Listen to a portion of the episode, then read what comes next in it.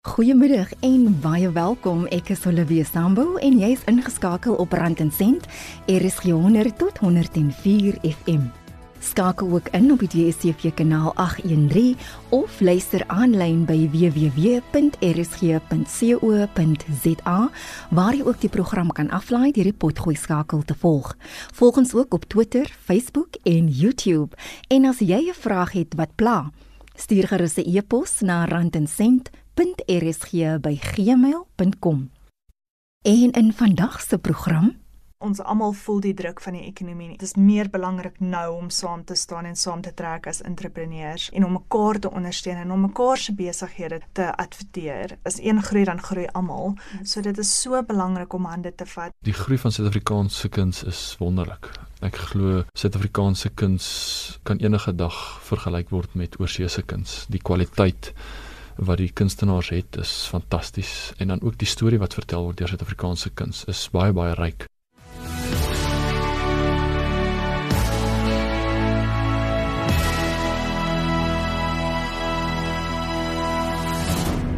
West Hendricks is die eienaar van John West Kunsgalerye en hy stem saam dat kuns in die vorm van skilderye 'n goeie belegging is. Maar hy glo ook wanneer jy in die skilderye belê, is die genot wat jy daaruit kry veel meer as die geld wat jy daarvoor betaal het.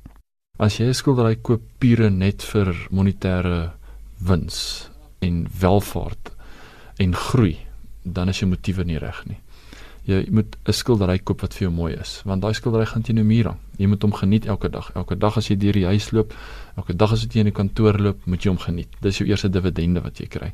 Kuns is 'n belegging net as gevolg van daai genot wat jy uit hom uitkry. As jy uit hom uit wins maak oor 'n sekere tyd is dit 'n bonus. Ons verkoop skilderye as 'n belegging so ons sê altyd 'n skildery is is 'n belegging. En ons het sekere skilderye wat ons so bestuur dat hy wel vir jou finansiëel geld in die sak kan bring. Maar dit is definitief nie 'n get quick rich scheme nie. Dit is 'n 10, 15, 20 jaar pad wat jy gaan stap. Beleggers daar buitekant oor die markte baie onseker is, hou van alternatiewe beleggings soek. Hulle soek na antieke karre, uh, hulle soek na goue muntstukke, hulle oorweeg skilderye as alternatiewe belegging.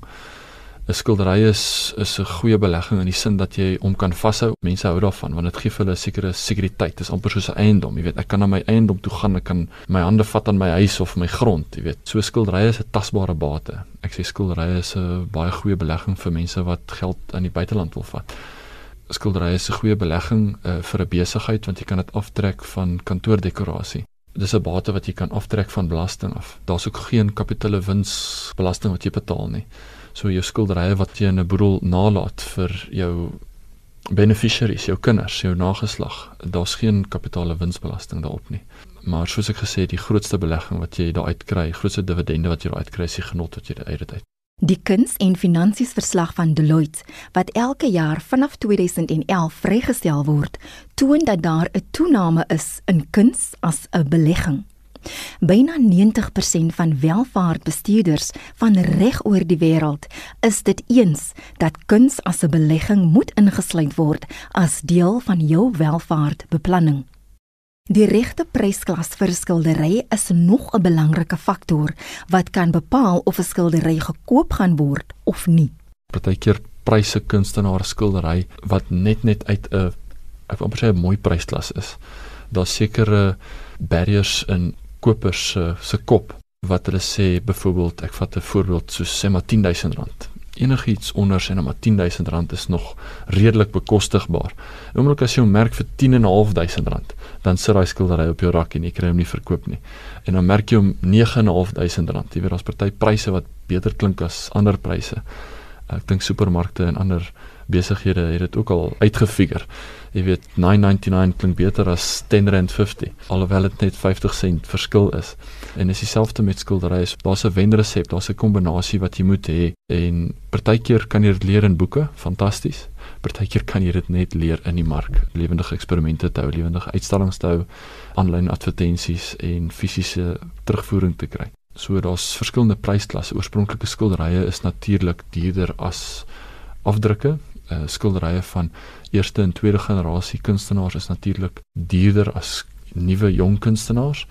So ons hou daarvan om 'n wye spektrum van kuns te hou by ons kunsgalery. Ons het beide oudmeesters en dan het ons kunstenaars wat nou net in die mark inkom. Natuurlik is daai skilderye dan 'n bietjie goedkoper. Ons het skilderye van 'n uh, prysklas enige iets van R1000, R1500 uh, intree vlak skilderye wat oorspronklik is met die hand geskilder, one of a kind. Die volgende prysklas sou ek sê is hierso tussen 4 en 8000 rand en dan gaan ons in die 10s en 20s en 30s en 100000s en miljoene in. Jou beleggingsskilderye se se prysklas is hierso van 40, 50, 60000 rand af. Skilderye wek ook gevoelens van nostalgie by mense, tesame met herinneringe van aangename sorgvrye dae so skilderye dra nie net toe tot estetiese waarde nie. Dit dit is 'n emosie wat opgewek word. Dit is 'n nostalgiese herinnering wat opgewek word van jou kinderjare af. Jy weet daar's baie mense wat nou skilderye koop wat sê maar 30, 40, 45 jaar oud is en as ek vir hulle 'n sekere landskap wys, dan sê hulle maar dis waar ek groot geword het. Dit is vir my mooi. Kyk daai bloekombome, kyk daai donkiekarretjie. Ja, daai kosmosse in die, in die land. Ek kan so goed onthou as ons gery het met vakansie, is dit die blomme wat ek gesien het langs die pad. John West Kunsgalerie is ook trots Suid-Afrikaans. Die groei van Suid-Afrikaanse kuns is wonderlik. Ek glo Suid-Afrikaanse kuns kan enige dag vergelyk word met oorseese kuns. Die kwaliteit wat die kunstenaars het is fantasties en dan ook die storie wat vertel word deur Suid-Afrikaanse kuns is baie baie ryk. Ek is 'n trotse Suid-Afrikaner. Jy weet ek is 'n uh, trotse besigheidsman in Suid-Afrika. Ons stel mense in diens wat kunstenaars is. Ons doen ook raamwerk. Dit gee werk vir plaaslike mense. Ons glo absoluut dat die ekonomie kan gegroei word deur klein besighede te ondersteun. Inherent is 'n kunstenaar eintlik 'n klein besigheidjie op op sigself en 'n kunsgalery is 'n besigheid. So ons sien die kunsbedryf as 'n besigheid. Ons verkoop Suid-Afrikaanse skilderye en ons is baie baie trots daarop. Ek glo die storie wat Suid-Afrikaanse kuns vertel vind baie aanklank tot mense en mense hou daarvan om dit te ondersteun. Daar is kunsversamelaars wat wel belê in oorseese skilderye, maar ek dink die sentiment is dat mense wil belê in Suid-Afrikaanse skilderye. Ek glo daarin as die Suid-Afrikaanse kunskopers belê in Suid-Afrikaanse kunstenaars en in kunstgallerye, dan is dit werkskepend. Want dadelik moet die kunstenaars meer skilder. Hulle koop hulle roumateriale in Suid-Afrika en hulle verkoop dit in Suid-Afrika. Ons doen ons raamwerk in Suid-Afrika, ons doen ons kunsuitstallings in Suid-Afrika en dit stimuleer die hele besigheidswêreld. So ek sou absoluut sê ondersteun Suid-Afrikaanse kuns en maak 'n verskil. John West Kunsgalerie is reeds nou betrokke in 'n hofgeding waar hulle die kopiereg van oorspronklike Suid-Afrikaanse skilderye in die Hooggeregshof verdedig. Dit is volgens ons die wat ons van weet die eerste hofsaak teen skilderye wat gekopieer word en skilderye van kunstenaars wat hulle meester se skilderye kopieer en hulle eie naam onder dit skryf. Ons staan absoluut agter kunstenaars wat oorspronklike werk produseer. Ons hou nie van skilderye wat gekopieer is nie. Dit wek 'n trotse Suid-Afrikaanse gevoel op in 'n mens. Jy weet, so ons is 'n kunsgalery wat net Suid-Afrikaanse kuns verkoop. Ons hou van oorspronklike skilderye en dan verkoop ons ook afdrukke.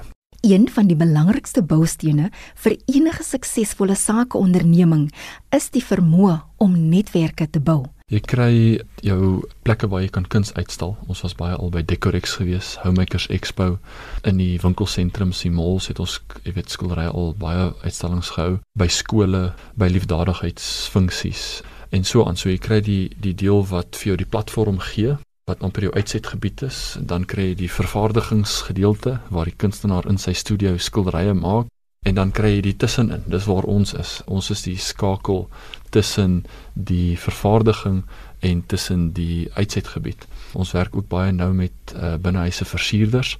So hulle is weer ook mense wat ons sien as adviseurs vir ons kunsgalery wat vir ons weer sê waantoe die dekortrends beweeg en daai terugvoer meng ons dan met ons vervaardigingsafdeling wat dan die kunstenaar is en ons gee dan op die einde 'n produk wat die mark van hou. So jy moet verseker 'n wye holistiese benadering hê tot die hele bedryf en ons 'n klomp sektore wat jy in ag moet neem en bymekaar moet bring as 'n kunshandelaar. En daar's nie baie ouens wat dit kan doen nie. Baie kunshandelaars is goed met net die verkoopgedeelte.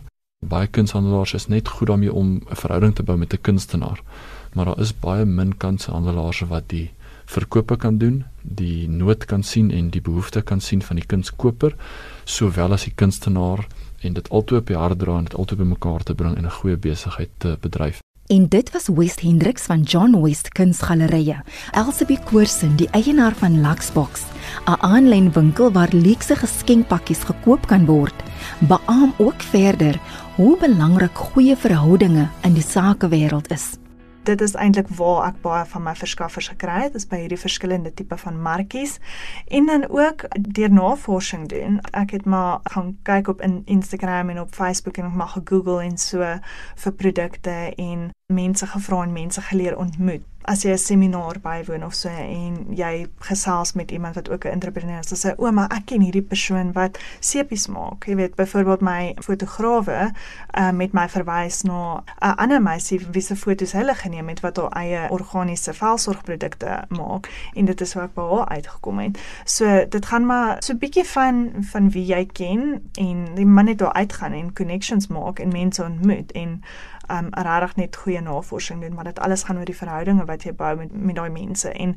dit is hoekom dit vir my ook so belangrik is want ek bou verhoudinge nie net met my kliënte nie maar ook met my verskaffers en daai verhoudinge weet jy is verhouding wat jou lewenslank sal sal help en sal ondersteun.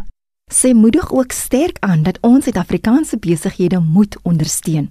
Daar's baie markies en goeders en ek wil ook mense aanmoedig om na hierdie tipe markte en goeders toe te gaan. Daar's nou weer eene wat opkom wat baie bekend is, kamers vol geskenke. Hulle stal net Suid-Afrikaanse produkte uit. Markies soos Neighbor Goods Market is ook baie populêr. Jy weet sulke markies, West Farmers Market, daai tipe van goedjies.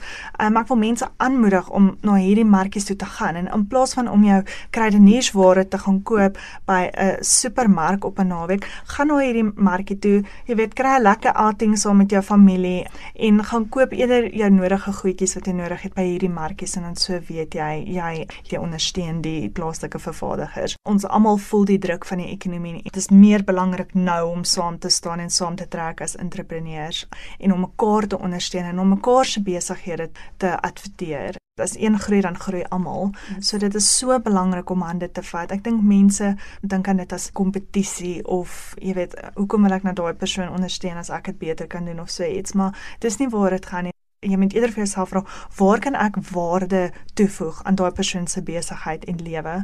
Want ek weet dat oor 'n jaar van nou af het ek gegroei of ek kry dalk swaar en ek het iemand nodig om my te help met 'n produk of 'n diens, dan weet ek ek kan op daai persoon staat maak.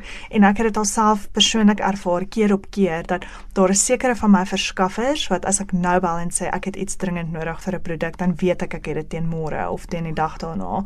Waar dan jy weet die nuwe res wat jy inbring en nog besig is om daai verhoudings mee te bou, kan sê jy weet ons afleweringstydperk is 5 tot 7 werkdae. So hulle sal nie daai ekstra maal gaan om jou te help nie en dis hoekom daai verhouding so so belangrik is. Dit was Elsabie Koorsen van Luxbox, 'n aanlyn winkel wat in luukse geskenkpakkies spesialiseer. Dis Rand en Sent RSG 100 tot 104 FM. Stuur 'n e-pos na randencent.rsg@gmail.com as jy enige vrae of kommentaar het. Regulasie 28 van die Pensioenfondswet beperk die mate waartoe bates in pensioenfondse in sekere bateklasse belê mag word. Gustav Reinach, finansiële adviseur by Brenthus Wealth in Pretoria, gee hier sy insig oor hierdie wet. Regulasie 28 is hoofsaaklik ingestel om bateklasbeperkings op te stel vir mense wat in uitreaniteite en in fondse en strukture belê wat onder die pensioenfondswet val.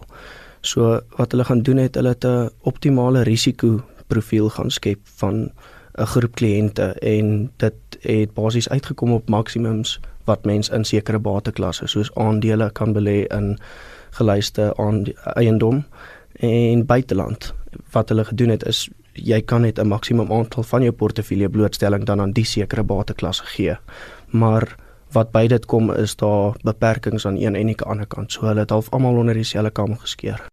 Maar dan beperk dit mos dan vir jou as die makelaar met hierdie regulasie 28. Ja. Dit beperk vir jou want jy weet presies dit is my kliënt se doelwit. Dit is hoeveel tyd hy oor het want jy probeer om die maksimum opbrengste vir hom met die minste risiko te kry binne 'n sekere tydperk. Absoluut. Maar met regulasie 28 is dit nie altyd mooi, is dit nie altyd moontlik nie. Ja, ek kan dit definitief sê daar's baie baie baie navorsing gedoen rondom hierdie en oor tyd is die top bateklasse wat jy kry is jou spesifieke bateklasse soos jou aandele wat almal weet daar is risiko rondom dit gepaard ja maar jy moet risiko gaan definieer dan so jy kry jou aandele jy kry jou eiendom en dan kry jy staatseffekte en daai ander produkte wat jy in kan belê so regulasie 28 beperk jou dan om 'n sekere aantal aan aandele te belê hoofsaaklik 75%. Dit beperk jou om net 30% in die buiteland te hê. Hulle het onlangs bietjie verhoog. Dit is nou 30%. Dit was 25 altyd. Die buiteland as mens oor die langtermyn gaan kyk deur al die statistieke wat dit wys, het die hoogste opbrengs vir jou getoon. So wat ek nie verstaan nie is as jy 'n jong werkende is met 30, 35, 40 jaar oor van werk, hoekom moet jy aan dieselfde beperkings voldoen wat iemand anders aan voldoen in 'n regulasie 28 fonds? as die top presterende bateklasse aandele en eiendom is in die langtermyn, maar hulle beperk jou teen dit. So daar is risiko in ja, maar aandele oor die langtermyn gee nie vir jou negatiewe opbrengs as jy goed gediversifiseer is nie. Kan jy ten spyte van regulasie 28 steeds die beste opbrengs vir jou kliënt probeer bewerkstellig? Dit hang altyd individueel van kliënt tot kliënt af hoe jy hom struktureer en posisioneer in sy portefeulje. Die ander manier is ek probeer sy buitelandse blootstelling te maksimaliseer.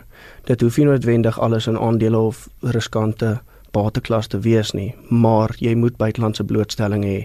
So jy kry lae risiko instrumente in die buiteland. So ek sal definitief omdat die langtermynsyfers dit wys want dit is al waarop ons nou kan gaan. Um een van my goeie vriende sê altyd die grootste probleem met ons industrie is ons kan nie môre se koerant vandag kry nie. So ons weet nie wat gaan gebeur nie. So ons kan net op geskiedenis gaan en mense het 'n neiging om te dink dit gaan oor 5 jaar beter gaan met hulle as wat dit nou tans doen. Dit is in 'n mens se brein ingeprent in siege. So wêreldekonomie moet bevorder word. Dit is wat ons almal dink en ons as as ons almal dit dink en daai momentum al volg, dan kan jy gerus wees om in markte te belê. Al besef hulle kom ons sê terugtrekkings. Maar wat die geskiedenis vir ons wys om op terug te kom is buiteland doen baie goed in geskiedenis. So maksimaliseer jou buitelandse blootstelling in daai regulasie 28 portefeulje tans. En dan kyk jy wat jy in die binneland kan doen. Hier is maatskappye wat in Suid-Afrika gelys is wat onder Suid-Afrikaanse blootstelling tel wat jy ook in daai portefeulje kan insit. Um verskansingsmaatskappye. So daar's baie goed om na te kyk as jy adviseer. So jy moet dit maar net gaan opweeg volgens die kliënt se behoeftes. Navorsing toon ook dat portefeuilles met meer blootstelling aan buitelandse markte 'n groter opbrengs getoon het. Investec het eintlik 'n baie baie goeie tabel oor die navorsing uitgebring waar hulle gegaan het en verskillende portefeuilles gaan vergelyk het. Hulle het gegaan en gesê wat as ons iemand 100% plaaslik belê? Ehm um, want volgens regulasie 28 mag jy hulle dit gedoen en oor die langtermyn het hulle daarop neergekom dat opbrengste hier by die 11 11.6% vir jou gegee het dan jaarliks as jy nou oor die lang lang termyn gaan kyk waar hulle gegaan het toe hulle 'n portefeulje gaan skep wat jy nou jou maksimum buitelandse blootstelling in kan vat volgens regulasie 28 menende jou 30% so dan hulle 70% van jou bates plaaslik belê in die regulasie en 30% in die buiteland en dit het jou 'n bietjie hoër opbrengs gegee. Dit het vir jou 13.9% op uitgekom dan per jaar. Toe hulle op dieselfde termyn die 100% buiteland gaan vat het en gekyk het wat as 'n kliënt werklik in 'n gediversifiseerde portefeulje in die buiteland was, ook aandele eiendom daai tipe van goed, maar nie noodwendig aandele wat in Suid-Afrika beskikbaar is op die JSE nie het hulle baie baie baie groter kom ons sê opbrengs opgekom per jaar wat 19.3% opgemaak het. So daar wil ek net terugkom op die punt. Hoekom as jy 30 jaar oor het om te spaar, beperk jy om in die buiteland te belê en spesifiek in aandele en eiendom in die buiteland en hoekom is dit omdat die staat dalk en ek sê dit nie om 'n doemprofeet te wees nie, maar is dit omdat hulle dalk meer bates in Suid-Afrika wil hou om ekonomies om ekonomiese groei hierso te bewerkstellig? Dit kan dalk ook 'n ander rede wees wat agter die seile wegkruip.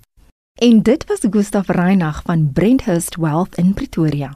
Ons kuier weer saam volgende Sondagmiddag om 5:00 hier op Rand en Sent, RSG 100 tot 104 FM. Hierdie program word weer Woensdagoggend om 0.30 uitgesaai. Ek is Olivia Sambo en ek groet tot volgende Sondag dieselfde tyd.